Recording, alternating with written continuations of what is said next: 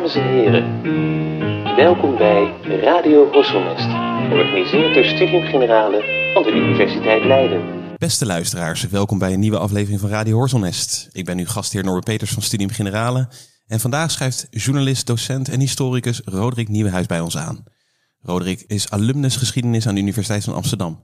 Als journalist schreef hij veel bijdrages voor onder meer NRC Handelsblad, De Groene Amsterdammer en The Times Literary Supplement. Tegenwoordig is hij werkzaam als docent journalistiek aan de Hogeschool Windesheim in Zwolle. Vorig jaar september verscheen van zijn hand Een simpel leven, waarom ons verlangen naar eenvoud complexer is dan we denken, bij uitgeverij Ambo Antos. Een jaar eerder ontmoette ik Roderick online bij het jaarlijkse congres gewijd aan Henry David Thoreau. Alle twee spraken we over de Nederlandse receptie van het gedachtegoed van deze Amerikaanse filosoof. Dat schept al snel een band. Toen vertelde Roderick dat hij voornemens was om een boek te schrijven. En dat is gelukt. En hoe? Simpel leven is een kritische verkenning van ons eenvoudsverlangen. Waarbij Roderick tal van paden bewandelde door literatuur, filosofie, kunst, architectuur en natuurschrijven. Ook zoekt hij veel nationale en internationale kenners op die hem verder op weg helpen. De laatste jaren lijkt minimalisme populairder dan ooit. Tal van schrijvers en influencers adverteren het simpele leven. Met bijhorende buzzwords zoals ontspullen, tiny house movement en van life. Ook ons verlangen naar authentiek leven in de ongerepte natuur is groot. Luxueuze boomhutten en glampingplekken waar je kan genieten van de grootsheid en verlaatheid van de wildernis schieten als paddenstoelen uit de grond. Roderick laat zien dat de zoektocht naar een vita simplex geen nieuw verschijnsel is, maar diepe wortels kent. Bovendien blijkt minimalisme vaak lastiger in de partij te brengen dan gedacht. Kortom, er kleven tal van kritische kanten aan het simpele leven. We zijn blij dat hij bij ons wil aanschrijven als gast. Roderick, welkom. Dankjewel. Misschien moet ik gewoon meteen beginnen met een wat meer persoonlijke vraag.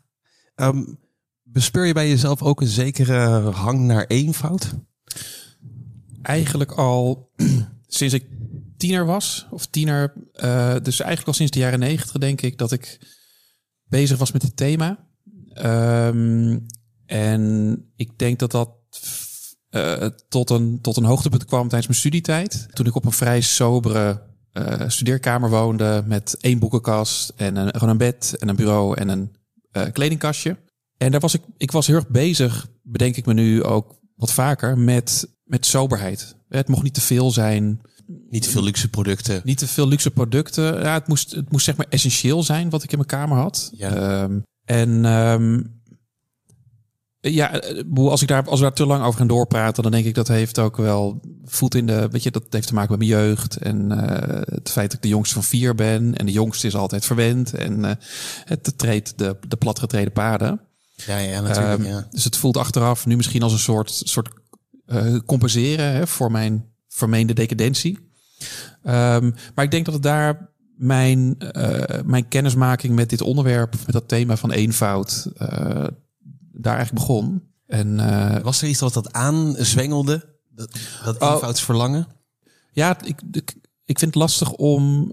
Um, ik, wat je in de inleiding zegt, vind ik heel mooi. Want wat we nu tegenwoordig zien, is inderdaad een eenvoudsverlangen. Hè? De, en ja, dat, zeker. Ja. En dat, um, dat zit hem in die, die de suggestie of in de, in de hoop dat de wildernis ons uh, terug gaat brengen tot onze, tot onze authentieke zelf. Hè, Ja, dat, ja. De vanlife en dat soort allemaal. En Ja, ik merk het ook zelf wel een beetje. Ik bedoel, ik ik ben gewoon een stadsjongen opgevo- opgegroeid in de stad. Nou, jij bent opgegroeid in eh, West-Friesland, Ja, las ik dan. ja, klopt. Dat is iets ruraler in ieder geval.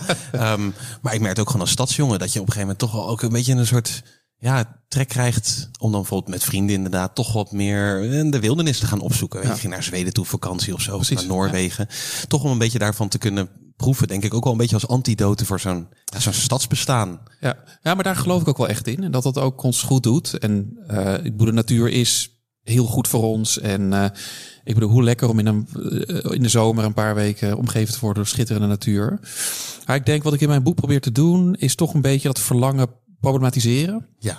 En ook te laten zien dat, hè, als ik bijvoorbeeld weer terug ga naar die studententijd, eh, dat is in feite die, die kamer, voor mij die sobere kamer, is ook een uitvloeisel van een eenvoud verlangen, zou je kunnen zeggen. En als je mij vraagt waar dat door komt, dan komt dat door schaamte.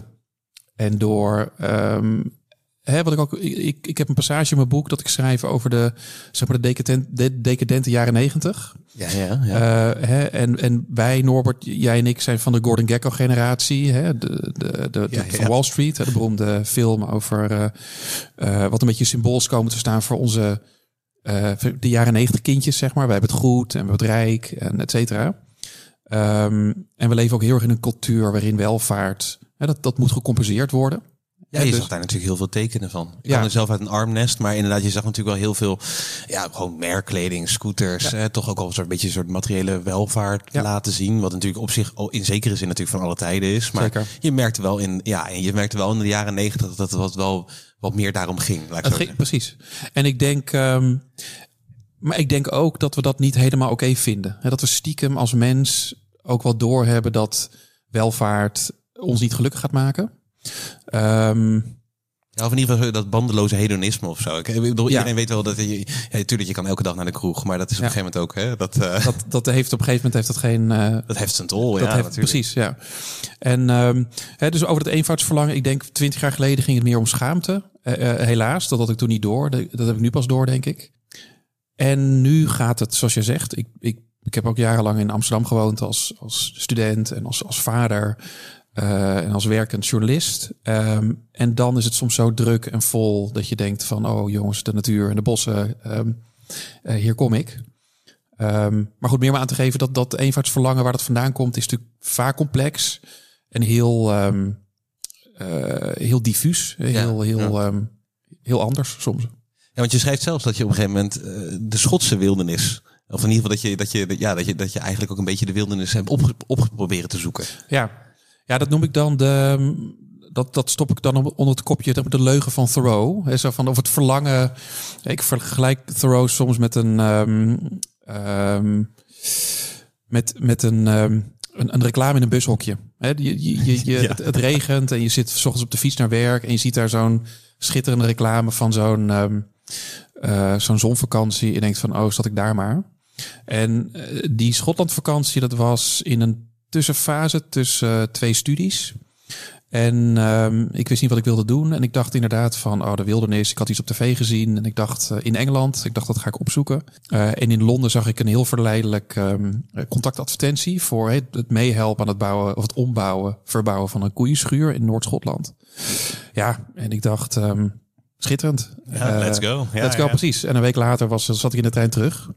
Uh, gedesillusioneerd. En want het was natuurlijk zwaar werk. En uh, ik woonde à la Thoreau in een houten hutje aan een meer. Dus... Uh, Klinkt in ieder geval pittoresk, maar Klinkt, was, viel dus nou, ook tegen. Nou, als je, als je er een foto van maakt en in die bushok plakt, dan denk je van, daar wil ik heen. Maar als je er echt, echt woont, en dat is denk ik een beetje de wrijving die ook in mijn boek zit. Als je er echt zit en merkt, dat was een, een van de uh, meest afgelegen delen van Schotland. Mm -hmm.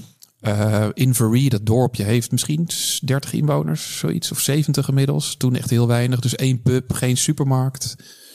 Het was heel, heel eenzaam, heel stil.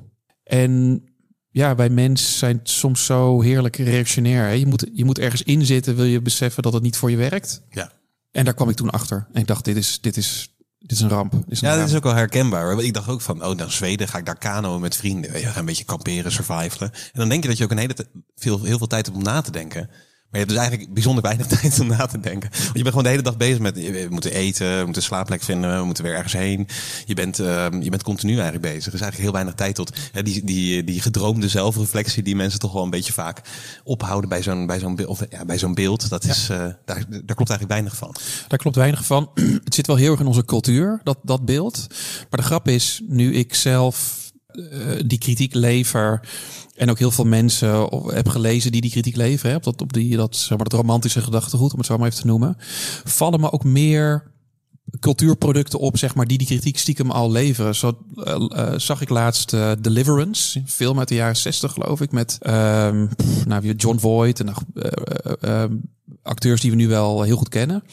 En die film gaat eigenlijk beetje vergelijkbaar met jouw verhaal, Norbert, over vier mannen die door een um, die nog een bepaalde rivier in Amerika willen bevaren met kano's. Want die rivier staat op het punt om, punt om ingedamd te worden. He, er wordt een dam gebouwd en dat komt allemaal onder water te staan. En dat loopt gruwelijk af. Oh ja, en die film is 50, is echt wel een klassieker. Ja, Ehm, ik heb die hem nooit gezien. Nee, die ik van naam kende. Ik kwam volgens mij ook wel eens tegen tijdens mijn onderzoek voor een boek. Eh, laatst voor het eerst dus gezien. En ik dacht van, oké, hier zit die kritiek stiekem ook al in. Het is ook een film, dus het wordt Ja. niet zo geëxpliciteerd. Ehm, Maar dat idee dat de wildernis niet eh, levert wat we ervan hopen, dat, dat Ja, is- die soort, ja, het is niet zalig maken. Ja, het zit, ik, ik, ik ken het bijvoorbeeld wel ook uit een film als eh, Into the Wild. Dat natuurlijk wel echt een goed voorbeeld daar ook van is. Al is dat toch ook wel wat, nou ja, zeker voor het grootste deel eigenlijk een hele positieve film. Heel positief over dat, dat solitaire leven, dat, dat leven weg van de, van de Ja. beschaving. Ja. Maar het loopt eigenlijk ook heel, ja, heel gruwelijk af. Ik bedoel, die wildernis is uiteindelijk eh, toch een bijzonder nare plek om te zijn. Nou, dat is, dat, daar verbaas ik me ook over. Ik bedoel, als je Into the Wild, mooi boek van Krakauer. Eh, film is heel romantisch, heel opzwepend bijna. Eh, de- Want en dat is een beetje de, de paradox van die film, vind ik. Hè. Het is, volgens mij eindigt die film letterlijk met die jongen die uitgehongerd voor zijn bus zit. Maar hij is wel blij, hè, want hij heeft een foto kunnen nemen of een, zeg maar, selfie van ehm, eh, een glimlachende Christopher McCandles. Eh, maar hij, zoals je zegt, hij sterft een hongerdood. En dat lijkt me volgens mij een van de meest afschuwelijke eh, doden die je kunt sterven. Ja. En de grap is, schrijf ik ook in mijn boek, dat tijdens corona veel mensen naar die bus gaan in de wildernis. En die komen ook in de problemen. Er zijn zelfs mensen die omkomen eh à McCandles. Dus ehm, ja, daar, eh, ik ik weet niet, als ik me daarin verdiep, dan kan ik soms ook wel een beetje een soort plaatsvangend boos worden. En ik van, weet je, zo van denk nou eens na. Weet je, Ja, dat roep jou inderdaad vrevel op. Jij, je noemde natuurlijk al eh Thoreau en daar gaan we ook nog zeker wel meer over hebben. En, eh, je zegt dan inderdaad ook inderdaad, je noemt bijvoorbeeld ook eh Cees Notenboom die ook zegt van ja, oh, dat is iemand die leidt aan een uh, Walden-complex. Hè? Die, refereert eigenlijk ook aan ja, en, eh, maar hij pakt het volgens mij vooral ook bij, bij de Amerikanen. Dat in, bij die Amerikanen dat vaak wel een soort verlangen tot communevorming ziet. Of we weggaan van, hè, van de beschaving. Of in één keer weer, of back to nature-achtige movements. Ja. Wat natuurlijk inderdaad ja, toch een beetje ook iets Amerikaans aan, aan zich heeft. Ja. Er daarom ook die vrevel op, denk je bij je? Dat het, dat het gewoon te, ook te, te, positief, ja, te positief is ingesteld misschien ergens of zo? Ehm, dat denk ik wel. Ik weet niet, ik, ik heb of het, of het komt omdat het Amerikaans is, eh, weet ik niet. Ik ben op zich wel een fan van Amerika, hoewel zeg maar dat, dat oppervlakkige positieve van Amerikanen, dat stuit ons eh, Nederlanders natuurlijk snel tegen de borst. Dat herken ik wel. Ehm, nee, het, is, het voelt meer als.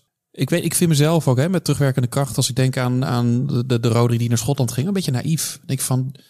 En dat bedoel ik met dat reactionaire, is een beetje met de klimaatverandering nu. Dat we nu merken van, oh shit, weet je, die, de, de zee gaat echt stijgen. Oké, we moeten nu echt wat doen. Weet je, pas als het acuut en dreigend wordt, dan komen we in actie. Ja, er wordt ook bijvoorbeeld wel gezegd over dat bijvoorbeeld het 19e eeuwse wildernisverlangen, dat het ontstaat eigenlijk bij stedelingen. Ja. En, niet- en niet bij mensen die eh, daadwerkelijk ook vol te maken hebben met, die- met die confrontatie met de wildernis. Dat je daar eigenlijk helemaal niet die houding zo snel ziet. Precies. Ja. Ja, dus het is een. ehm, dat, dat zit ook wel. Dat zie je ook. Of ik, ik geef een voorbeeld van een hele mooie eh, roman van een Indiase schrijver, Pankaj Mishra, The Romantics uit 2000. Echt een aanrader. Die dat ook laat zien hoe pijnlijk dat kan zijn. Dat is een, het gaat over een Indiase jongetje, Samar, die, die gaat studeren in Benares, een grote universiteit zat in India. En die wordt daar omringd door rijke westerlingen die die, die, die, die wildernis verheerlijken, waar hij net uit is gevlucht, zeg maar, die jongen. Ehm, en achteraf hoort hij ook dat die rijke westerlingen die dan het, het Gandhiaanse zelfvoorzienende India willen opzoeken, dat die twee weken later eh, gillend eh, de, de rimboe uitrennen en een, eh, een kamerboek in een vijfsterren hotel. Eh, wat hij dus al lang wist. Ja, dat is denk ik heel herkenbaar voor ons. Ja, Hè, Dat, dat, ehm, en het is ook. Het is ook heerlijk hoor, om lekker in je, in je gedachtes eh, in de stad weg te dromen. Eh, en jezelf in de natuur te plaatsen. Een van mijn favoriete, kinderboeken is Max en de Maxi Monsters, waarin precies dat gebeurt. Hè, dus de, onze verbeelding is een groot goed. Maar eh, ik begin me steeds meer af te vragen of het misschien gewoon niet daarbij moeten laten, bij verbeelding. En ja, ja, ja. Eh, want als we de wildernis echt zo- opzoeken, dan ehm, gaat het vaak, ehm, nou niet zozeer fout, maar eh, Ja, en of, of die nog überhaupt te vinden is. Er zijn natuurlijk ook gewoon Ja. heel veel plekken die we misschien, waarvan we misschien denken dat ze heel wild nog zijn. Maar ik zag bijvoorbeeld ook al, je ziet ook al eens van die ontluisterende beelden dat je dan zo'n hele rij ziet staan vlak voor de top van de Mount Everest. Weet je wel? Dan denk je dat het dan een van de meest onherbergzame plekken op de wereld.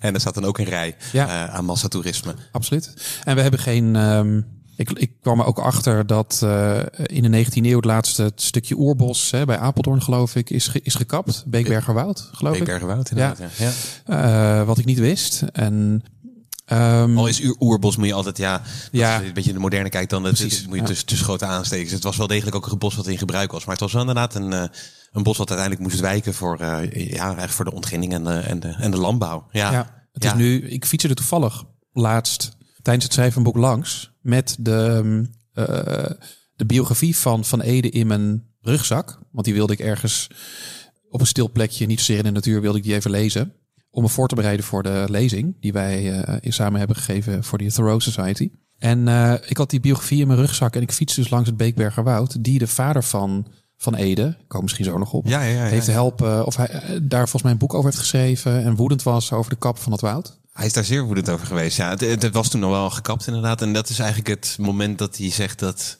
moeten we niet, net als dat we cultuur behouden, kastelen, oude landhuizen, bruggen, weet ik veel wat dat we ook moeten kijken dat we ook natuurmonumenten moeten behouden voor de toekomst. Hè? Dus, en uh, daar heeft de stichting natuurlijk zijn, zijn naam aan ontleend. Daar heeft de stichting van, uiteindelijk van Thijssen dan zijn naam aan ontleend inderdaad. En, uh, en de Frederik van Eden natuurlijk, ja, dit is dan senior inderdaad, maar natuurlijk junior. Nou ja, die, die throw moeten we misschien eigenlijk gewoon laten we, laten we even inderdaad ja, we gaan stilstaan. Want anders gaan we. Nee, nee, we dat gaan te associatief eh, door de. nee, maar dat is geen probleem. Ik bedoel, maar laten we inderdaad even, even misschien ook voor de luisteraar, want het is misschien toch niet al te bekende naam, Henry David Thoreau. Wie is dat? Ja, nou goed, Um, zoals ik hem opvoer in mijn boek, is het een man die uh, vlak na het overlijden van zijn broer John uh, besluit om twee jaar en twee maanden, uh, of althans in de bos te gaan wonen. En dat doet hij vlakbij zijn geboortedorpje in Concord, Massachusetts, vlakbij het huidige Boston. En hij trekt zich terug in dat hutje wat hij zelf bouwt. In eerste instantie om een ode te schrijven aan zijn broer John. Hè, de, wat in een boek dat in 1851 verschijnt en het niet heel goed doet. Um, bijzonder slecht. Bijzonder slecht zelfs, ja, En in 1854, negen jaar nadat hij uh, dat, dat hutje heeft betrokken, schrijft, die komt hij met Walden. Wat um, althans toen een, een teleurstellend boek wordt qua publicatiesucces, zeg maar. Uh, hoe het goed gerecenseerd wordt in de, in de kranten in Amerika en Engeland. En dat boek, uh, waarin Thoreau eigenlijk beschrijft hoe hij een heel gemoedelijk leven in de natuur leeft, midden in de bossen, is eigenlijk sinds het in de late 19e eeuw door socialisten in Engeland werd, werd herontdekt, als het ware, is dat eigenlijk een soort eco-klassieker geworden. En wordt het tegenwoordig, volgens mij op de middelbare school in Amerika, veel gelezen. He, voor ons is nou, de, de, de Avonden van Reven misschien een standaardboek of uh, uh, een boek van uh, Tim KB. Um, en in Amerika is dat Walden. En um, geen lichte kost ook. Geen lichte kost. nee. En heel, het is een gek boek, heel paradoxaal. Um, en, um, het is inderdaad Walden or Life in the Woods. Ja. Dat heeft eigenlijk natuurlijk al een klein beetje iets, iets misleidends aan die titel zitten. Dat Walden verwijst dan natuurlijk naar, ja, naar het meer wat daar dan ja. ligt. Uh, waar die, de, waar die aan woont. Ja. ja. Ja, ja, Maar Life in the Woods is al eigenlijk een klein beetje te... Ja, maar dan komen we op, de, op het problematiseren van zijn mm -hmm. leven in de bossen. Waar, waar, waar ik mijn boek ook op inga. Want uh, ja, zal ik dat meteen maar. Uh... Nou, ik, ik vind het dat lijkt me op zich prima. Dus ik denk dat je inderdaad gewoon goed. Dus hij gaat inderdaad in, in die uh, twee, twee jaar gaat hij wonen aan, aan, aan een meer om ja, zelfvoorzienend ja. Te leven. Een eenvoudig leven te leiden. Ja. Zelf hamert hij natuurlijk heel erg op dat dit terug moet naar de essentie van, van, van het leven. Dus wat dat betreft vind ik het een heel modern boek in de zin van ja. als je het inderdaad nu leest met alle problematiek die we nou ja, net hebben besproken. Ja, is, is het ook een boek wat wat ook ergens om begrijpelijke reden misschien nog heel erg steeds aanspreekt. Omdat ja, het ook al echt. Maar je vindt het ook, en dat zeg je natuurlijk al meteen van, het is ook die reclameposter in, op die regenachtige dag in dat ja. bushokje. En, dat, en ik dacht van, dat zit al een beetje in die, in die titel, Live in the Woods. Weet je, -hmm. want dat, dat schetst toch een beetje in het beeld van Inderdaad, je gaat, net als dat jij dan de, de Schotse wildernis ingaat, je gaat echt ja, de bossen in, ja. weg van de beschaving. Uh, maar dat valt eigenlijk vies tegen. Dat valt vies tegen, want hij woont, wat hij niet schrijft in zijn boek, is dat hij vlakbij zijn uh, geboortedorpje woont. Dat zijn, uh, dat, hij, dat zijn zus op de thee komen, dat hij bij zijn moeder eet. Um, het is eigenlijk een heel fijn. Hè? Hij kan dat hutje gebruiken om dagboekaantekeningen te maken. Volgens mij 2 miljoen woorden noteert hij in twee en twee maanden. We hebben natuurlijk allemaal concentratie nodig, een afzondering om iets te schrijven of een kunstvoorwerp te maken of een kunstproduct of hoe je het ook wil noemen. Uh, dus, dus prima. Maar, en die bossen zijn druk. En er wordt geschaatst in de winter op Walden Pond, waar die dus aan. Ja, dus het is eigenlijk een heel gezellige plek. En ehm, wat we tegenwoordig kennen, hè, dus Piet Mondriaan, of eh, die hadden allemaal huisjes in de tuin, in de achtertuin waar ze in werkten, hè, houten hutjes.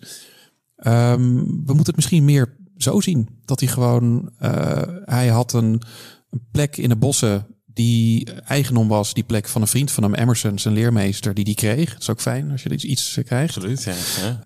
Dus wat, wat Thoreau, en dat is een beetje de kritiek op hem, en dat is iets wat de laatste jaren ook een beetje groeit, denk ik. En dat heeft ook wat te maken met zijn groeiende populariteit. Hè? Want ik denk zijn, eh, de kritiek op Thoreau, die, die zijpelde zeg maar in de afgelopen anderhalve eeuw al een beetje door. Eh, er is een eh, John Muir, een Schots-Amerikaanse natuurbeschermer, die eind 19e eeuw bij zijn, eh, eh, de plek staat waar hij woonde. Inmiddels is dat natuurlijk hè, zijn hutje bestaat niet meer. Die, eh, die John Muir vroeg zich volgens mij af in een brief van hoe kan het nou zijn dat mens, men hem heeft gezien die Thoreau als een kluizenaar? Want het is super heerlijk wonen hier. En uh, dus die had het stiekem ook al door. En in En die gaat ook echt wel de die bedoel, als je dan toch over wildernis hebt. Nou. John Muir gaat wel de wildernis in. Ja. hè. Die komt trouwens ook uit Schotland natuurlijk, grappig genoeg. precies, ja. Maar, maar die gaat natuurlijk wel echt wat onherbergzame gebieden. Onder andere bijvoorbeeld Alaska, waar, nou waar die jongen dus uit Into the Wild eh, eigenlijk eindigt. Eh, Ja. ja. Nou, en de grap is dat om uh, Thoreau gaat natuurlijk uiteindelijk zelf ook. Het is niet een enorme reiziger. Hij is volgens mij één keer in Canada geweest. En verder is hij altijd in de buurt van Concord gebleven. Maar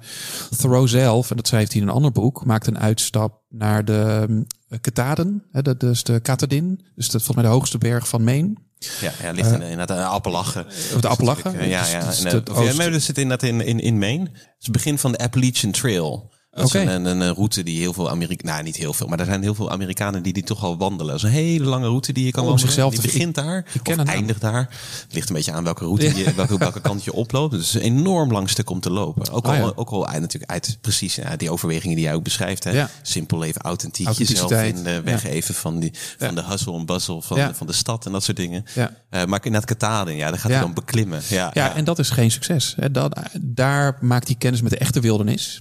Ehm, en hij zegt, hij, hij komt eigenlijk terug met een eh, nuance eh, ten opzichte van de wildernis, toch? Want hij beseft zich dat cultuur en wildernis samen moeten gaan. Het is, het is volgens mij beschrijft hij Kataden is een vrij kale berg met een platte bovenkant, een soort landingsbaan. En hij zegt, dit is een plek voor, voor, voor wilden. Ja, voor titanen. Titanen, ja. ja. Ja, Dus inderdaad echt een, eh, een onmenselijke plek. Onmenselijke plek. Onherbergzame Ja, plek. dus voor Thoreau, hè, de, de grote wildernisgoeroe of de, de pleitbezorger voor de wildernis, hè, want dat is ook degene die ehm, het, het behoud van de wildernis ehm, propageert. En daar moeten we hem denk ik heel erg dankbaar voor zijn. Ehm, maar goed, als hij al iemand is die, nou niet in Walden, maar in een ander verhaal, hè, volgens mij de Maine Woods of Maine Woods, ja, dat dat dat hele romantische beeld van de wildernis eigenlijk al nuanceert, is het uh, frappant dat wij tegenwoordig zo uh, uh, ons aan dat, dat beeld vastklampen hè, van Ja, een, ja. van een, uh, een ons reddende natuur. Ja, en wij zijn natuurlijk zeker niet de enige. Ik bedoel, je noemde al even Frederik van Ede senior, dan de, de, de, Ja. degene die de- dat woord natuurmonumenten daarmee komt opdraven. Maar zijn zoon natuurlijk eh, raakt op eenzelfde manier ja, helemaal in trance eigenlijk bijna Ja. als hij, als hij, als hij Walden voor het eerst leest. Ja, die is, die is in de ban van, ehm, nou ook schaamte. Grappig genoeg, hè? Je hebt natuurlijk in uh, late 19e eeuw, het is eigenlijk een beetje vergelijkbaar met wat we nu zien denk ik, met Sander Schimmelpenning. Hè? Dus mensen die zich, althans zo kijk ik ernaar, uh, mensen van uh, geprivilegeerde huizen die zich een beetje gaan schamen voor hun eigen privilege. Dus Van Ede is natuurlijk op een gegeven moment later 19e eeuw hij arts. Hij is, uh, is psychiater in Bussum. En um, de sociale kwestie, dus het lot van de arbeiders in de steden is een enorm uh, belangrijke ook politieke zaak. Ja. Nederland is daar vrij laat mee. Als je... Als, als schrijf je dat hij aan het begin daar eigenlijk nooit zich over uitlaat. Nee, je hebt in de jaren 80, uh, in, rond 1886 heb je volgens mij een, een studentenprotest in Amsterdam waarvan Ede op dat moment studeert, geneeskunde geloof ik. En hij maakt er geen melding van. Het is niet iets wat hem bezighoudt op dat moment. Jan Fontijn, zijn biograaf, zegt dat Van Ede gewoon eigenlijk heel erg met zichzelf bezig is. Wat uh, de vraag is of hem dat te verwijten valt verder. Hè? Want, ja, heel, heel herkenbaar, lijkt mij. Ja, ik ja, zeggen, ja, wij zijn ook studenten geweest. Dus, um, en wat interessant is, je merkt toch, eh, wat ik net al zei, Thoreau wordt eigenlijk beroemd of wordt opgepikt in de jaren negentig door, uh, door een, een, een Engelse socioloog. En um, uh, dat blijkbaar die uh, biografie of die, dat, die, die suggestie van Thoreau, die, die waait toch over naar Nederland. Um, en um, ja, Van Ede pikt dat op en gaat zichzelf ook, volgens mij is dat Marx, gaat zichzelf omschrijven als parasiet. Dus die ziet zichzelf als, of dat is echt socialistische taal volgens mij, om jezelf te zien als een, als een uitzuiger of letterlijk een parasiet. Jij bent iemand die leeft over de ruggen van andere mensen. Ja. Ehm, en um, hij wat waar Van Ede mee worstelt, en dat vond ik zelf wel interessant, is hij wil aan de ene kant, wil hij die wildernis, hij ontdekt op een gegeven moment Walden, hij krijgt dat van uh, Jacques P. Thijssen, later uh, stichter van Natuurmonumenten. Um, en hij, um, hij vindt dat fascinerend, Thoreau, maar hij denkt, ik ga echt niet in de bossen wonen. Weet je, dat is, uh, ik wil schrijven. Hè? En, of nou, hij heeft, hij heeft het verlangen naar de natuur, waar Thoreau van Ede bij helpt, is Thoreau bewijst van Ede is dat je, je kan en schrijven en in de natuur wonen dus het geestelijke leven kan, samen met het natuurlijke leven. En dat zorgt voor hem ja, eh, echt voor een soort, soort bominslag. Hij noemt in de jaren daarvoor, leest hij als socialistische schrijvers, zoals um, Looking Backwards van uh, Edward Bellamy. Wat gaat, dat is ook zo'n thema in de 19e eeuw. Mensen die uh, in slaap vallen aan het begin van het boek en wakker worden in een utopie. Dat, oh dat zit ook in Alice in Wonderland. En uh, je hebt ook een boek van um, uh, een, fantasyboek van de oprichter van um, de Arts and Crafts Movement, William Morris. Begint ook met iemand die in slaap valt in een utopische wereld, later wakker wordt. En hetzelfde gebeurt bij die Edward Bellamy in dat Looking Backwards. Uh, maar Van Ede leest dat boek over een utopisch Boston in 2000. Een soort, soort Back to the Futures-achtige wereld. En die denkt, um, dit is het. Dus die, die uh, is zo onder de indruk van het boek van Ede dat hij zegt: dit is krachtiger dan duizend redenvoeringen. Dat boek. En dat is dan rond 1890. En eigenlijk in de jaren daarna is hij op zoek naar, uh, naar een manier, of eigenlijk een vorm of een schabloon, nu het ook wel noemen, waarin hij zijn eigen verlangens, dus het geestelijk leven en dat, dat zelfstandige natuurlijke leven, waarin hij die kan, kan uh, samenvoegen. Ja, en Thoreau is een, is een mal die hem uh, heel goed past. Als hij dat in, uh, wat is het, 1897, rondom 8, is niet helemaal duidelijk wanneer die leest. Uh, als je dat leest, ja, dat alles valt op zijn plek. Voor ja. ja. Ja, en ik vond het gewoon, het is ook gewoon bijzonder om te weten dat inderdaad en de Jacques P. Thijssen en, en de Frederik van Ede, dat die inderdaad uh, Walden überhaupt lezen uh, van Thoreau. En er ook nog eens een keer eigenlijk ook wel vrij van onder de indruk zijn. Ja. Thijs is volgens mij wel iets kritischer dan van Ede zelf. Uh, en, en dat ze dus, of in ieder geval dat Frederik van Ede dus die, die Walden kolonie gaat stichten. Dus dat wij hier in Nederland, in de buurt van Bussum, dat wij een plek hebben gehad die vroeger Walden heette. Ja. Ja. We, hebben, we hebben een Walden gehad in Nederland. Ja. En dat was een verhaal waar ik al langer mee rondliep, überhaupt. Met dat, uh, um, zo is dit boek gek genoeg ook begonnen. Ik ben een paar jaar geleden naar mijn uitgever gestapt en die vroeg... Um, uh, waar wil je een boek? Eh, we hadden eigenlijk al een soort afspraak gemaakt dat we een boek gingen maken. En zei, waar wil je het over doen? Ik zeg, nou, Walden van Van Ede. En dat, dat voelde uiteindelijk als een te klein boek. Um, dus is het, is het dit geworden waar Van Edens verhaal wel voorkomt, waar ik heel blij mee ben. Want dat is een, magisch iets toch. Hè? Een man van stand die in Bussum een enorme villa koopt, Villa Kruisbergen, en daar op, een, op zandgrond, geloof ik, wat nauwelijks te verbouwen is, uh, een paar houten hutjes laat bouwen door een architect naar een, een utopische gemeenschap sticht, ja. die uiteraard volledig mislukt. Dus het getuigt ook weer van een zekere, um, ook een zekere naïviteit. Hè? Een, een, een beroemd fragment ook uit Neskio's uh, De Uitvreter. Hè, dat of jongens. Titaantjes, denk ik. Of Titaantjes, ja. ja. Die, um, die daarheen wandelen. Hè, de, de vier, vijf uh, hoofdpersonen daar aankomen. Iemand in een boerenkiel een beetje ziet ploeteren en denken van oké, okay, dit is niks. En weer teruggaan naar Amsterdam. Ja, ja, hij heeft inderdaad hele dure schoenen aan, zeggen ze dan. Oh, ja. Hele dure schoenen aan hij is koekjes aan het eten. Hij is koekjes aan het eten. Ja, ja, ja. en het is natuurlijk gewoon, het was gewoon een schetsfiguur eigenlijk. Ja. Want ze zegt dan, hij zegt inderdaad ook dat ze vier uur lang wandelen uit Amsterdam. Precies. Ja. Om naar uh, de Walden te bezoeken en dat ze meteen weer rechtsomkeerd maken. Omdat ze het eigenlijk, ja, eigenlijk laat Neski daar volgens mij ook zelfs zien van dat hij daar al doorheen prikt. He, dat het, ja, precies. Het nou, is niet echt een boer. Het is niet een, het is niet een boer met de handen, met de handen in de klei. Nou, dit kan ook niet eens, want het ligt niet eens klein. Maar nee het, het, het, zijn, het is toch ook een beetje naar die stadsmens die dan zichzelf even boer waant, weet je? Ja, ja. Ik vind een voorbeeld in de uh, Easy Riders heb je een heel mooi voorbeeld. Dus op een gegeven moment komen ze dan ook bij een commune die net is gesticht en dan zijn ze volgens mij in de zomer uh, graan aan het zaaien en dan zegt hij ook van ja, dat, dat moet je helemaal niet doen. Dat is gewoon dat is zo dom als wat. Ja. Die planten gaan allemaal, dat gaat het niet helemaal niet helemaal niet redden.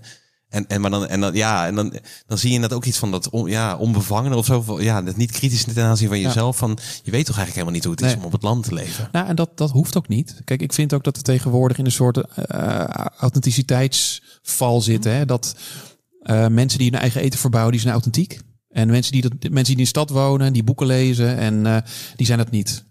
Terwijl we zijn allemaal op onze eigen manier, dat klinkt wel pathetisch trouwens als ik het zo zeg, maar op onze eigen manier authentiek. Hè? We hebben een bepaalde achtergrond, bepaalde ambities, et cetera, dat, wat, wat bij ons past. Ehm, als je kijkt nu met de boerenprotesten, niet om het daar nu over te gaan hebben, maar eh, of een, of een, eh, een keeper die eh, op de wereldkampioenschap voetbal ehm, lekker zegt waar het op staat. Dat is een authentiek iemand. Dat waarderen we tegenwoordig heel erg.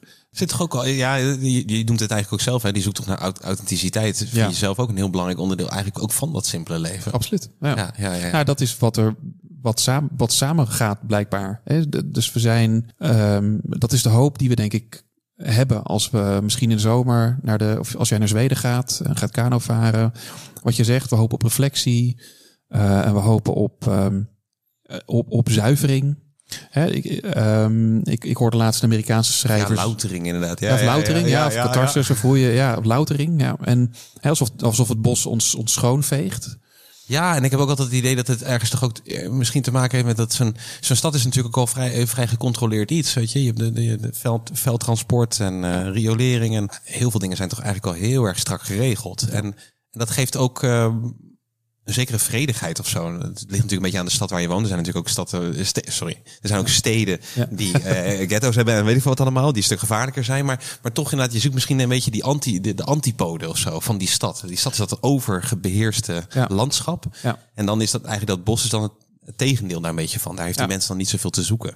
Nou, ik denk wat je nu zegt is ook een cruciaal aspect. Ook wat van, van Thoreau, denk ik. En van veel pleitbezorgers van de wildernis. We leven tegenwoordig absoluut in een eh, beetje overgereguleerde wereld. Ehm, zeker in Nederland, ehm, waar veel goeds aan is.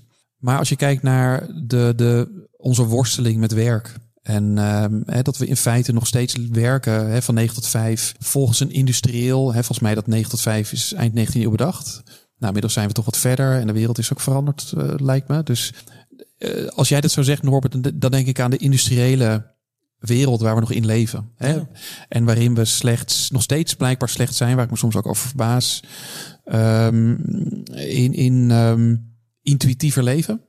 Eh, of eh, misschien meer volgens onze eigen natuur, om even eh, een andere invulling te geven van het woord Klinkt heel natuur. erg. Toch? Ja. ja, nee. Nou, en daar geloof ik wel echt in. En, ehm, Ja, dat is eigenlijk het gekke, want ik vind ook dat bij jou heeft die Thoreau en ook eigenlijk Walden een hele en echt een dubbelpositie. Want aan de ene kant zeg je inderdaad volgens mij, het is die reclame in dat bushokje, het is te, je kijkt er te verlekkerd naar eigenlijk. Van je denkt, dat is het. En dan kom je er en dan denk je, oh maar dit is gewoon een deceptie. En dan ga je eigenlijk Thoreau lezen en dan ook dingen eromheen lezen. En dan merk je, oh, dat is, dat is eigenlijk toen, of was het eigenlijk ook al een beetje een deceptie. En ook zo'n Frederik van Ede is toch iemand die daar dan op een bepaalde manier ook instinkt. Hè? Dat je, je, hebt, je hebt natuurlijk heel veel van die communes die ontstaan. En, en, en ja, die halen vaak de winter gewoon niet. Omdat het toch, het is toch wel, het blijkt toch altijd wel veel lastiger te zijn dan het daadwerkelijk is. Maar het heeft ook die, ik vind toch ook dat je het een hele positief, of in een heel positief licht zet. Dus Ja. als je bijvoorbeeld eh, de biograaf van Thoreau spreekt, Laura Dasso Walls, ehm, dan merk je ook dat, ja, dan merk ik bij jou ook wel dat, dat het toch ook wel te denken geeft, Walden. Het is niet een boek wat je vervolgens dan weer weglegt. Nee. Nou, ik, ik noem in mijn boek ook heel kort, want ik vind het vrij een, een mijnenveld het onderwerp. Hè, maar ik noem kort cancel culture. Of het idee dat, ehm, wat je natuurlijk nu wel ziet, het idee dat als iemand in het verleden iets, iets fouts heeft gezegd, dat het, dat het klaar is. Of nou, we, nu elkaar, we spreken elkaar. En ehm, nu ehm, in Leiden en eh, we leven nu in een wereld waarin een Nederlandse schrijver met de dood wordt bedreigd vanwege een tekst die hij een paar jaar geleden heeft geschreven. Eh, dus het is niet ongevaarlijk blijkbaar om, om iets op schrift eh, te stellen. En dat mag. De, tenminste, het, mensen mogen complex zijn. En mensen mogen ehm, kanten hebben die we misschien moeilijk vinden. En helemaal mensen van 170 jaar geleden, want het was een andere wereld. Ja, je haalt ook aan dat hij, dat hij op een gegeven moment, ik weet niet precies wanneer het was, maar een paar jaar geleden was er inderdaad in één keer een artikel online die, uh, die probeerde nog, uh, nou ja, eigenlijk uh, ver na zijn dood, dus inderdaad nog Throw nog een keer te cancelen. Dat was Precies, natuurlijk lastig de New Yorker, ja. ja, ja, Mooi stuk hoor is dat, ja. Ja, Pons, Pon. Pons Scam, ja, Ja, Pons Scam, Pons ja. Ja. Ja, ja, Vrij heftig dat- een hele heftige eh, kritiek inderdaad op de, op de, ja, de onwelvallige kanten van, eh, van de beste man. Maar wat, wat is dan toch voor jou een... Ja, wat, wat vind je dan toch een, bijvoorbeeld een positief boven? Waarom zou je eh, Walden nog lezen? Zou, want er staat bijvoorbeeld ook op jouw boek inderdaad als sticker... voor de lezers van Walden van Henry David Thoreau. Ja. Maar ik denk dat jouw boodschap is niet van... nou, het is dus inderdaad die, dat bushokje reclame... we moeten Ja. zo snel die poster eruit halen en, en, eh, en, en, en, Ja. er niet naar, en het niet lezen. Nou, ik weet niet of mijn boek echt een oproep is om Wal. Mijn boek is vooral een oproep om mijn boek te lezen. Nee, grapje. Natuurlijk. Eh, ja, nou goed, het lastige, dat, herkennen ik allemaal. Hè. Je leest iets en je bent er helemaal vol van. En je denkt, ehm, oh, dit, dit, dit ga ik eh, aan iemand anders geven. En wat ik jaren geleden met mijn vader deed. Ik had Walden gelezen en ik dacht, oh pap, dit vind je ook fantastisch.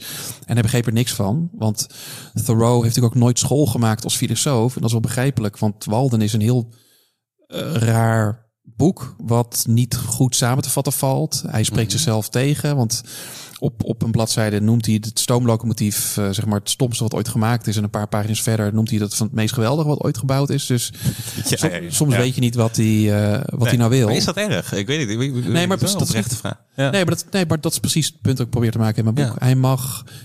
Ehm, Of ik zou zeggen, dat is misschien dan een onderdeel van die complexiteit. dat is absoluut die onder. En we hebben, dat zien we nu ook. Hè? Die Sander Schimmelpenning die ehm, opkomt voor de armen. Hè? Of die eh, met dat boekje over de kloof. Dat mensen zeggen van wacht even, een graaf. Grappig genoeg komt er in mijn boek ook een graaf voor. Hè? Tolstoy. Die ook opkomt voor de armen. Precies in de tijd dat Van Ede doet. Ja, ik heb het idee, komt hij nou op voor de arm of is hij boos op de rijken? Dat kan bij hem nooit Ja. bespeuren. Nou, ik denk dat het. Dat is, Ik heb het idee dat het meer de tweede is. Maar Dat is een kluwe die lastig te ontwaren. Maar dat, bedoel, dat is wel een beetje mijn bedoeling inderdaad. Dat was- Dat we hebben soms niet door waarom we dingen doen. Eh, en als we er goed over nadenken, dan zullen misschien ook wel de personen... Nou, we kunnen het niet meer vragen. Maar eh, zullen ze ook wel denken van... Nou, inderdaad, het was een beetje eh, Thoreau... ehm, een beetje hypocriet. Hè, dat ik in die bossen woonde, in een hutje op, eh, op uh, vlak bij mijn moeder. En ehm, op grond dat ik van een vriend kreeg. Want ik, tijdens het schrijven van het boek dacht ik soms ook van... Jemig met uh, in de bossen. Hoe doe je dit eigenlijk in Nederland? Weet je, hoe zou je dat moeten aanvliegen? Ik zou niet weten. Als ik een paar miljoen heb, is het nou, niet relatief makkelijk, maar wordt het een stuk makkelijker.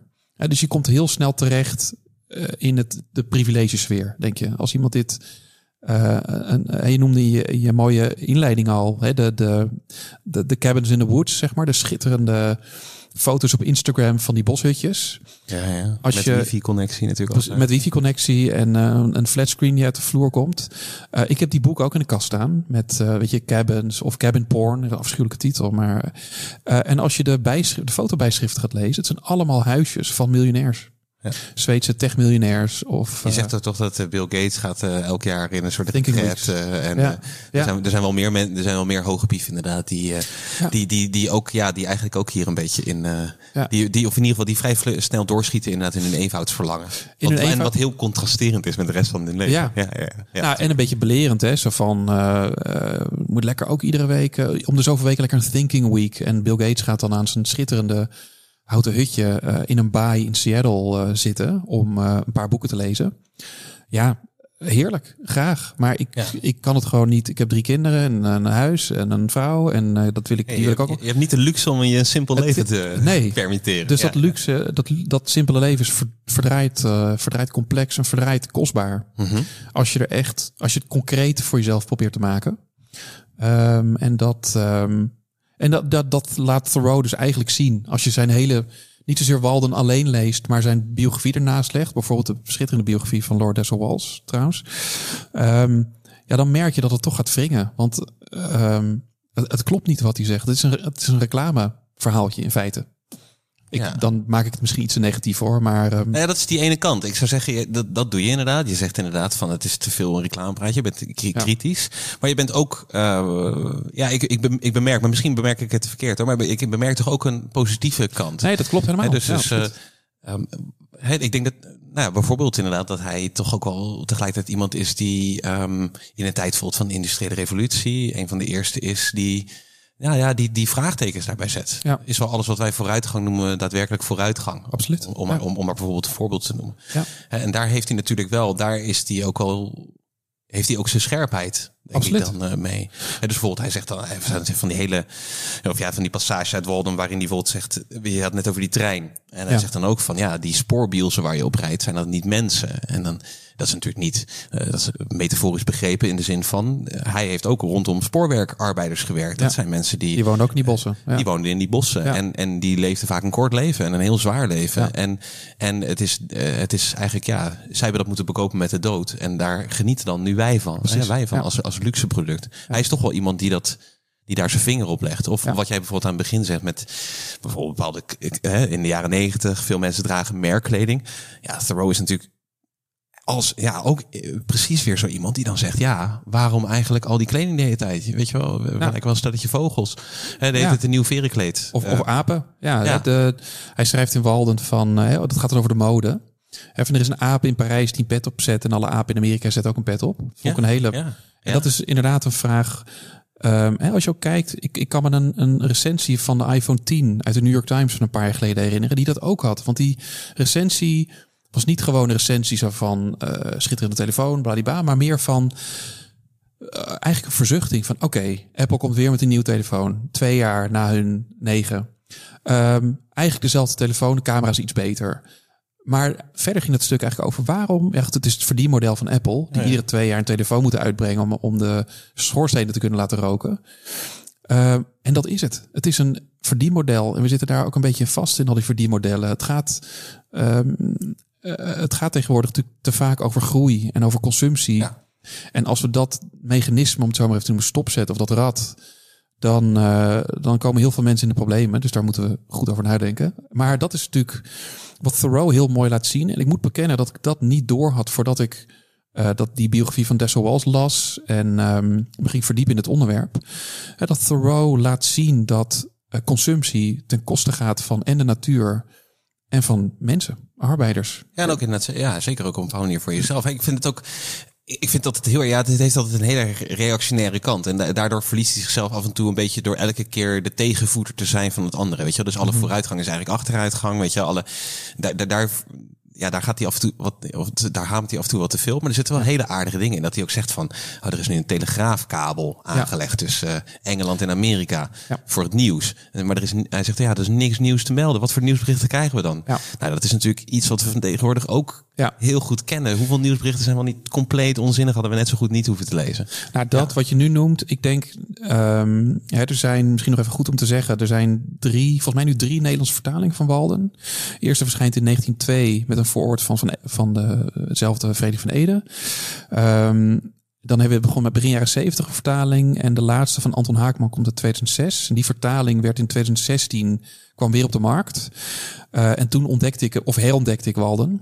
Ehm, en dat was, toen werkte ik bij NRC Handelsblad. En dat was een van de zinnen die ik toen onderstreepte. En dacht, en schrok daar misschien van, omdat ik voor een krant werkte die precies meedeed aan die wereld. Hè, want Thoreau schrijft eigenlijk van ja, weet je, ik, ik parafraseer hoor, maar weet je, of er nou een hond wordt aangereden op de Western Rail, Railroad of weet je, er valt iets om. Weet Ja, je, iemand heeft een nieuwe jurk of een nieuw maanpak Precies, of een ja. nieuw kapsel. Weet je, wel. je Ja. de meest banale dingen. meest, de meest banale voorbij. dingen. Ja, en als het eenmaal gebeurd is, waarom zou je er nog een keer over schrijven? Dus Ja, ja, ja.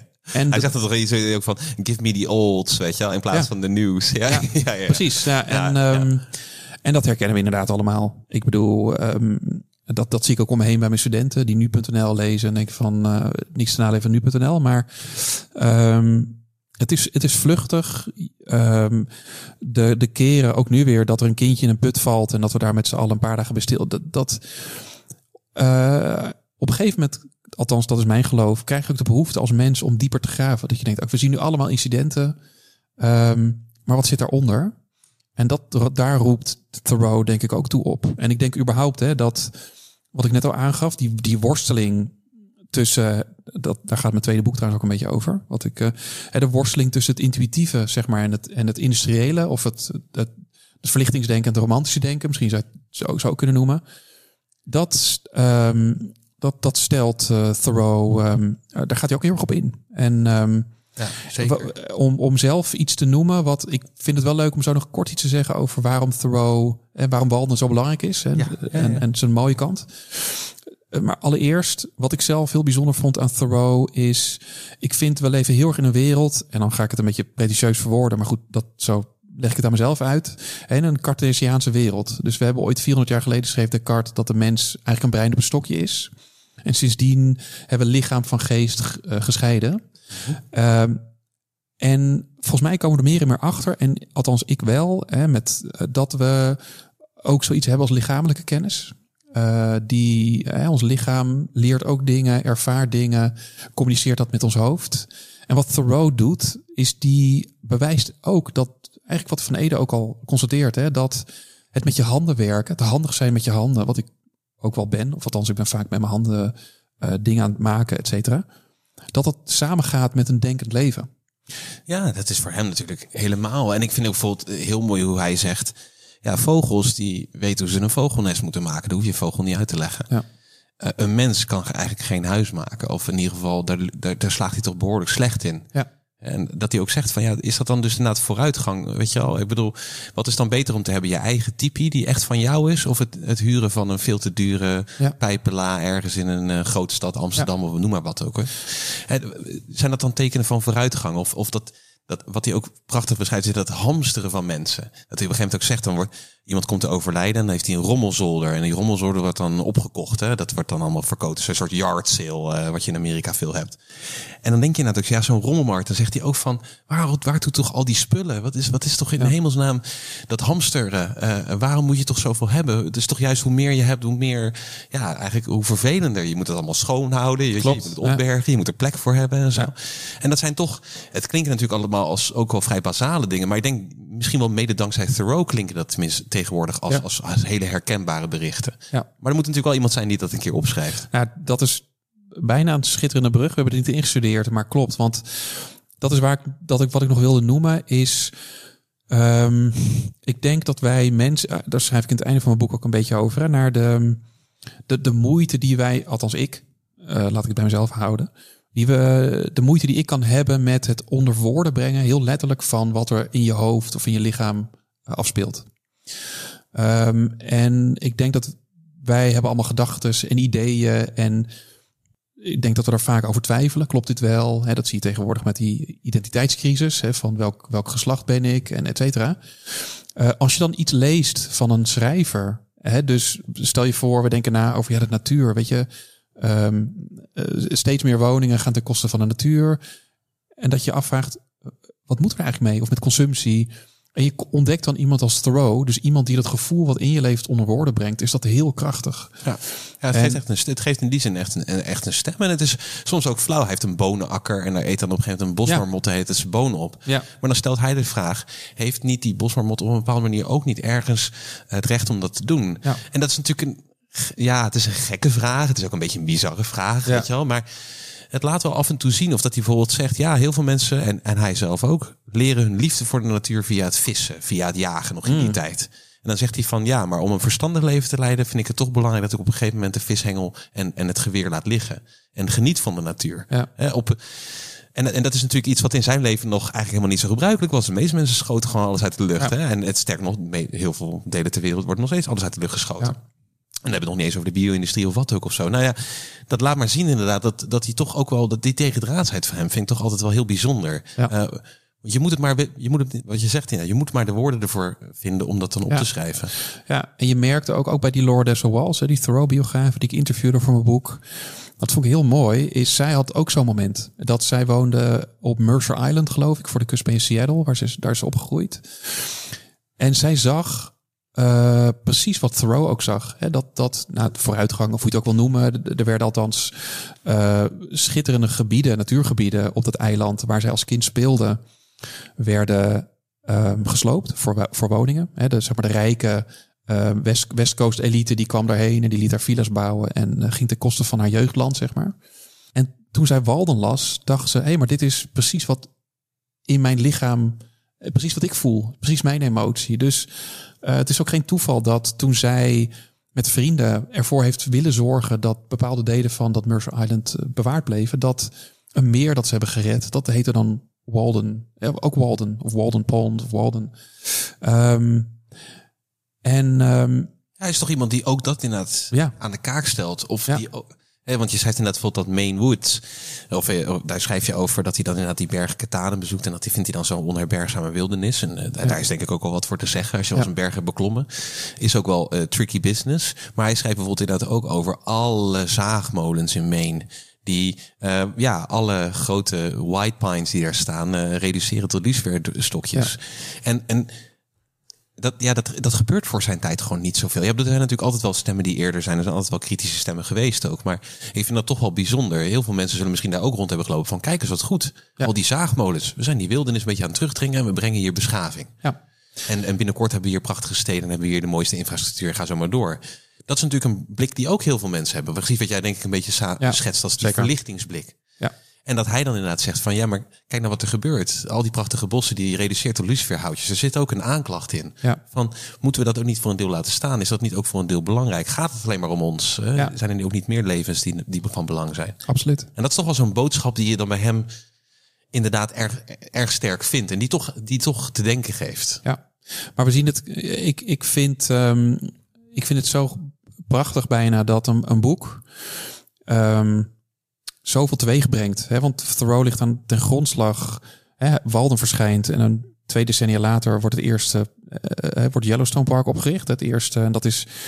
eh, het is denk ik niet gek om te zeggen dat er een directe lijn is tussen Walden of Thoreau en eh, de stichting van het eerste eh, Nationale park. Ja. ja, Nationale Park in Amerika. Ehm, En, en, en, en ons eerste nationale park. Ja. Eh, het- Nou, Thijssen, eh, ja. Naardermeer is natuurlijk Precies. niet, niet, Ja. niet die grote. Maar ik vind het zelfs lijken op Walden. Ja, het lijkt niet heel erg op Walden natuurlijk. Het Naardermeer is een heel ander soort iets. Want ja, maar qua, qua idee, water met. Ja, en die dat? spoorlijn. Want er loopt een spoorlijn eigenlijk min of meer pal door het naar de meer. Oh ja. Ehm, ik stond daar een keer inderdaad met een ecoloog. Die zei ik ook van ja, dit is eigenlijk wel grappig. Het lijkt op een bepaalde manier ook wel. Het, het lijkt niet op, op, op uh, Walden ziet er heel anders uit, ook qua omgeving en zo. En het is een pingo-ruïne, een heel ander soort geologisch verschijnsel. Maar ehm, ik, het heeft wel wat, vooral met die spoorlijn in de buurt. Dacht Ja. ik van, oh ja, dit is natuurlijk ook wat uh, Thoreau ook meemaakte. Hè? Ik bedoel, die Ja. woonde wel dan aan het Waldenmeer, maar er reed wel één keer in zoveel tijd reed daar, uh, de, de, reed daar een, een trein langs. En dat beschrijf je ook heel mooi in het boek, dat hij is zelf ook in, hij, kind van die verandering. Weet je, uh, zoon van een potlodenfabrikant, maar hij, hij woont eigenlijk in het, in het agrarische Concord groeit hij op. Lokale boeren, lokale productie, zelfvoorzienend inderdaad. En hij, hij moet zien natuurlijk ook dat hij tijdens zijn leven moet hij afscheid nemen van die wereld. Uh, Ja. Concord wordt internationaal, uh, of nou ja, internationaal Boston. een, bu- een buitenwijk van Boston. Ja, Ja, echt een buitenwijk van Boston. Ja, dat, ja, er zit ook een deel. Hè, ik heb een derde hoofdstuk over nostalgie. Uh, wat, wat ook eenvoud is. Of je ziet vaak dat, hè, dat verlangen naar simpelere tijden, naar vroeger, dat zit ook heel diep in ons. Absoluut, ja. ja. Um, en dat vind ik ook gevaarlijk. Dat, dus dat probeer ik in dat derde hoofdstuk ook een beetje te problematiseren. Want um, kijk, het is niet zo dat omdat jouw uh, de wereld uit je jeugd verandert, dat het per definitie slecht is. Nee, natuurlijk. En nee. ik ben zelf van mening dat vrienden van mij, die hebben andere meningen. Die, die, maar ik zou niet op een ander moment geboren willen worden dan nu. Ja, of leven dan nu. Ik vind. Um, ja, je leven was erg kort in die tijd. Daarom. Zijn eigen broer komt gewoon om door een scheerongeluk. Precies. Die tetenus van. Die, uh, en die krijgt op 26 jaar, precies, die, die, die snijdt zich bij het scheren, krijgt locked jaw syndrome en sterft ook een hongerdood. Net als die Christopher McCandles. En Thoreau zit daarbij uh, machteloos. Ja. Dus dat is ook traumatisch. Ja.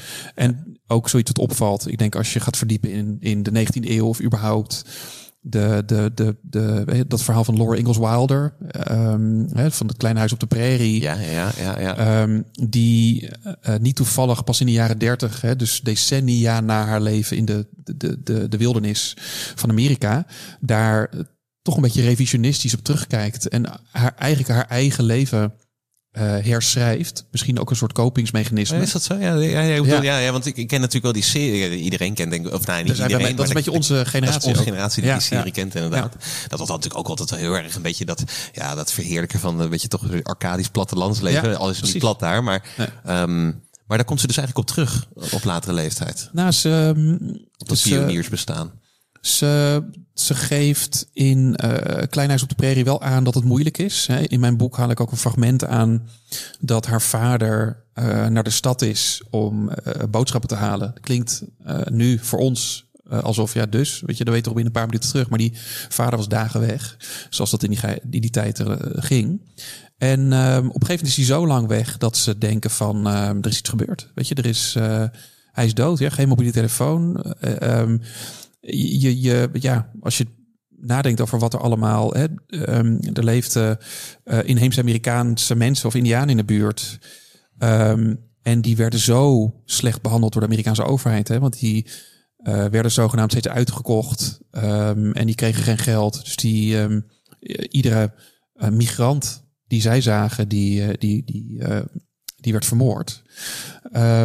En dus de angst die ze uh, voelde op momenten, die zitten wel in haar boeken. Maar het is ook heel romantisch. Weet je, ze zit ook op een, een, ander fragment dat ze met haar zusje op de zolder zit. Terwijl de wolven huilend om, het, om hun huisje, uh, houten hutje in de bossen rennen. Uh, is, als je er goed over nadenkt, doods. Of doodeng, hè, angstaanjagend.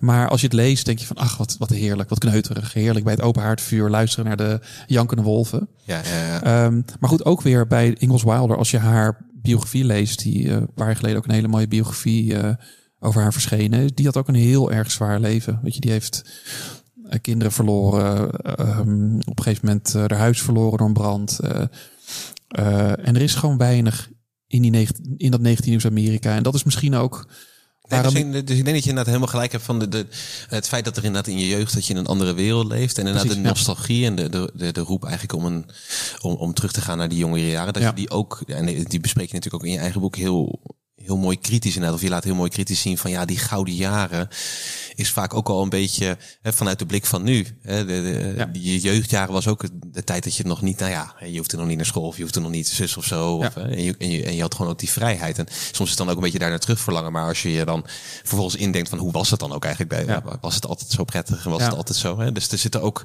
ja, er zitten natuurlijk zitten daar kritische kanten aan inderdaad. Maar ik denk wel dat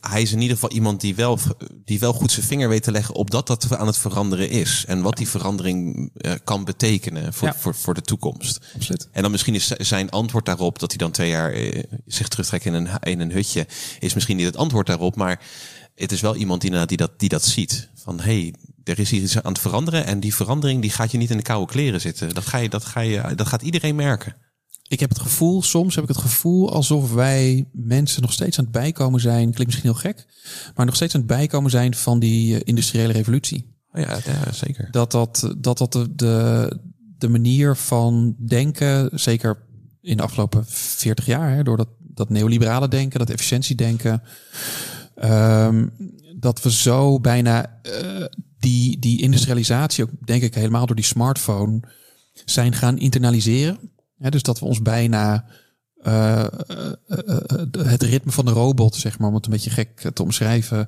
uh, dat we ons daaraan aan aanpassen. dus dat ik denk, nou, we passen ons aan aan, aan de zon. als die straks ondergaat, gaan we slapen. En inmiddels zijn we ook, ons ook aan het aanpassen aan het. Hè, dat is een ritme waar we, waar we nu ehm, bekend mee zijn. Ik denk dat de telefoon en de computer hetzelfde doet. Die dwingt ons ook om, op, om, om ons aan te passen. Um, en um, nou, wat je net ook beschrijft, daar hebben we moeite mee. Ja. Heet het, het nieuwe, je moet heet het de nieuwe. Hè? Dat ja. is, uh... nou, dat, maar goed, dat is meer dat verdienmodel. Nou, dat voelt toch een horloge, weet je? Die kreeg, die, er was van een R-stuk in de familie of zo. Weet je? Ja. Dat was dan van de over, ja. overgrootopa geweest. En dan moest je alleen af en toe dan een nieuw batterijtje in, in weten te schroeven. En tegenwoordig is dat ook eigenlijk een product wat de hele tijd moet worden vervangen. vervangen maar het vervangen. is, ik, ik heb het, wat, wat ik hoopvol vind, is ik zie ook veel op, of in Engeland programma's, weet je, de Repair Shop is dan een programma die ik graag kijk, waarin, waarin dat soort uh, spullen inderdaad die zijn overgedragen worden, worden gerepareerd.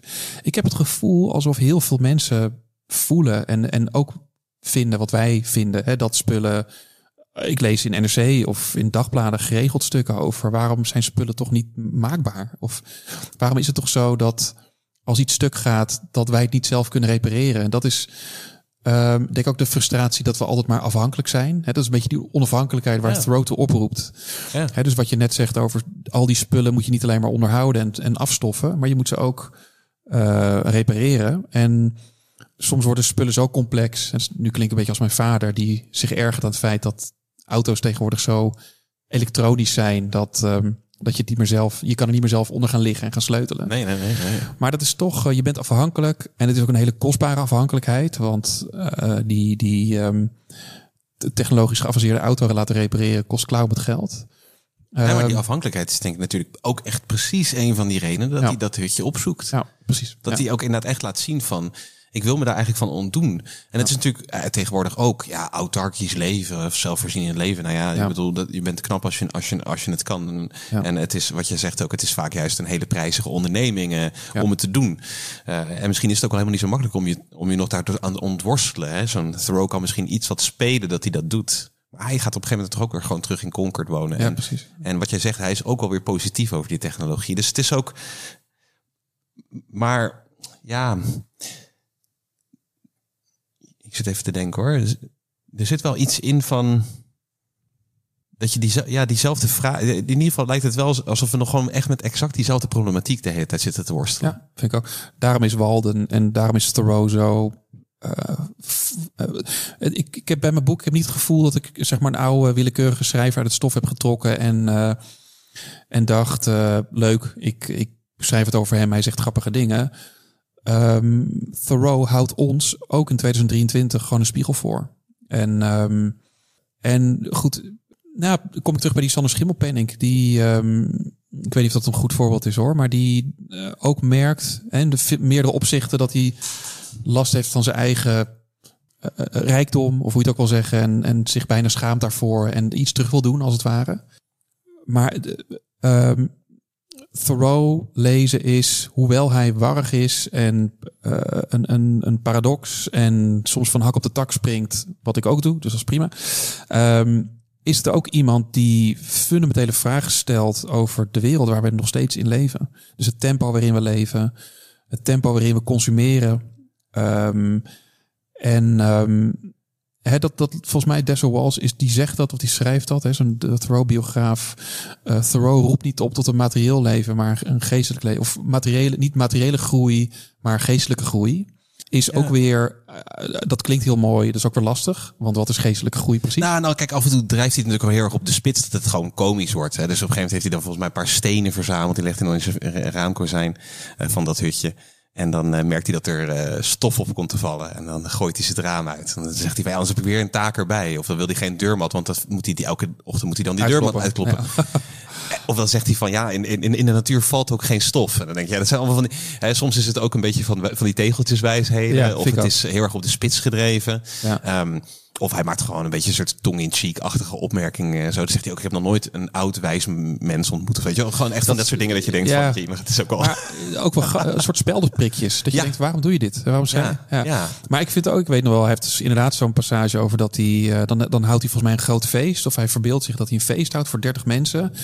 En ehm, dat, nou, dat past niet in zijn hutje, die mensen. Hè, dus dat moet dan per definitie de- buiten. En hij zegt hoe heerlijk als al die mensen weg zijn. Dit is niet letterlijk throw hoor. Maar dan, eh, weet je, de wind die is mijn stofzuiger in feite. Die toen nog niet bestond uiteraard. Of, maar ehm, weet je, de, ehm, de wind blaast die grond schoon. Dus ik hoef niet zelf dat schoon te maken. En ja, de conclusie is ja, ja wat moet je daar eigenlijk mee? Ja, dus moeten we, moet ik gras laten groeien in mijn eh, huis? Ja, dus Ja, dat- ja, ja, ja, ja, Hè, dus ja.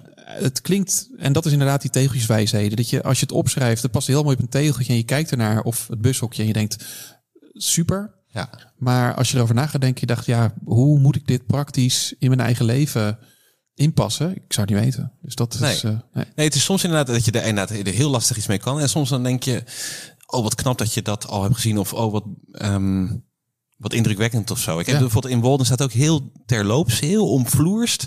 Dat er op een gegeven moment een fugitive slave bij hem Ja. komt. Ja. Die hij daar eh, laat onderduiken. Eh, In een tijd dat de fugitive slave law van, van, van toepassing is. De noordelijke staten hebben geen slavernij of hebben slavernij afgeschaft. Maar als mensen ontsnappen en die zijn, bevinden zich in de noordelijke staten, kunnen ze wel worden opgepakt. En hoe fel die daar dan tegen fulmineert, eh, rondom, eh, buiten Walden om, maar ook in Walden wel even heel terloops aanhoudt van, oh, hij is onderdeel van de Underground Railroad, eh, die, die voortvluchtig Ja. slaven naar Canada brengt.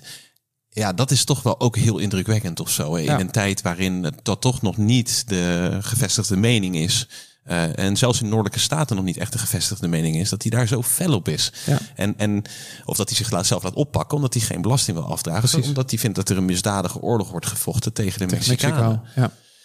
Ja, dat is die, die, die, die burgerlijke ongehoorzaamheid die hij uitvindt en waar we tegenwoordig door omringd worden. Dat is ook natuurlijk ook wel grappig. Ja, Ehm, dat wordt ook niet genoeg gezegd, vind ik. Dat Thoreau is de uitvinder van de burgerlijke ongehoorzaamheid. Hè. Dus Mahatma Gandhi of Martin Luther King, die verwijzen naar Thoreau. Dus zo, Ja, of ja. Tolstoy. Dus zo, Tolstoy ook inderdaad. Ja, zo, zo invloedrijk is hij nog steeds, zonder dat we het misschien soms doorhebben. Ja, is ook meestal hetgene waar de meeste, eh, heel veel Amerikanen kennen hem daar ook van. Ja. Van zijn, eh, van zijn essay over dat die burgerlijke ongehoorzaamheid. En Wat het is vaak ingestoken zit in Walden. Als hij Ja, ja, ja, ja. In de nieuwe vertaling zit hij, ook, de, zit hij er ook Ja. bij. Want het is natuurlijk ook een heel, heel belangrijk stuk. En het is, ook, het is natuurlijk ook wel echt een heel... Ja, het is een slimme manier van kritiek die ook volgens mij terecht heel veel navolging krijgt. Omdat het, ik zei ook van ja, het is burgerlijke ongehoorzaamheid ook omdat het beschaafd is. Dus een beschaafde vorm van ongehoorzaamheid. Ja.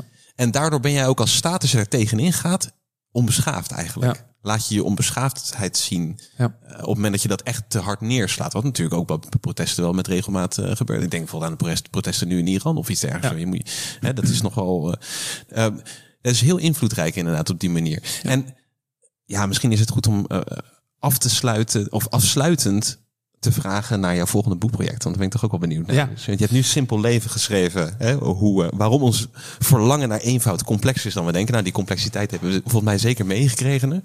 Ehm, wat is het volgende boekproject? Nou, het volgende boekproject gaat eigenlijk ehm, een beetje door op dat thema, zeg maar, romantiek versus verlichting. Want wat me heel erg opviel eh, tijdens het onderzoek naar mijn boek, is dat er toch wel heel veel mensen, dus architecten, filosofen, schrijvers, ehm, proberen om zich te verhouden tot de machine.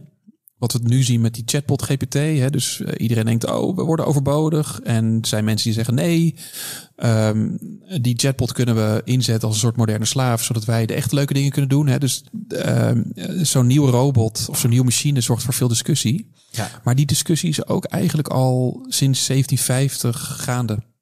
Hè, dus wat moeten wij mens met de machine? Eh, is, het onze, is, het, is die onze vriend, onze vijand? Eh, ik denk dat kapot maken, zoals de Ludieten dachten. Hè? nou, dat precies de ludieten die in Ja, 1812 inderdaad machines in Engeland gaan stuk slaan.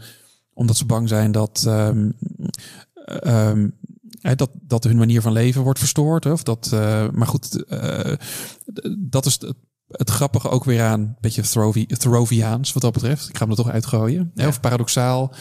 Dat het dat grappig is dat terwijl die ludieten anti-machinaals denken, denken de modernistische architecten die ik in mijn hoofdstuk 5 ook noem, zijn heel hoopvol ten aanzien van de machine. Want die denken, die zien in de machine eh, zeg maar de, het begin van een utopie. Hè, een soort eh, democratiebrenger. Die kunnen makkelijk huizen bouwen voor iedereen, et cetera. Ah ja, op die manier. Dus die Ja. veranderende houding, ook zeg maar onze complexe houding, even conform een eh, simpel leven. Die complexe veranderende houding van de mensen ten opzichte van de machine wil ik eigenlijk gaan beschrijven en gaan onderzoeken. Ja, klinkt als een heel mooi project en een heel mooi volgend, eh, volgend boekproject. En dan wil ik je graag bedanken voor een heel fijn gesprek. En ook de luisteraars thuis, hartelijk dank voor het luisteren. En mocht u nou op het punt staan om uw huis in te leveren voor een Volkswagen busje of een tiny house, lees dan eerst eh, Simpel Leven van Roderick Nieuwenhuis. En tot de volgende keer. Dankjewel.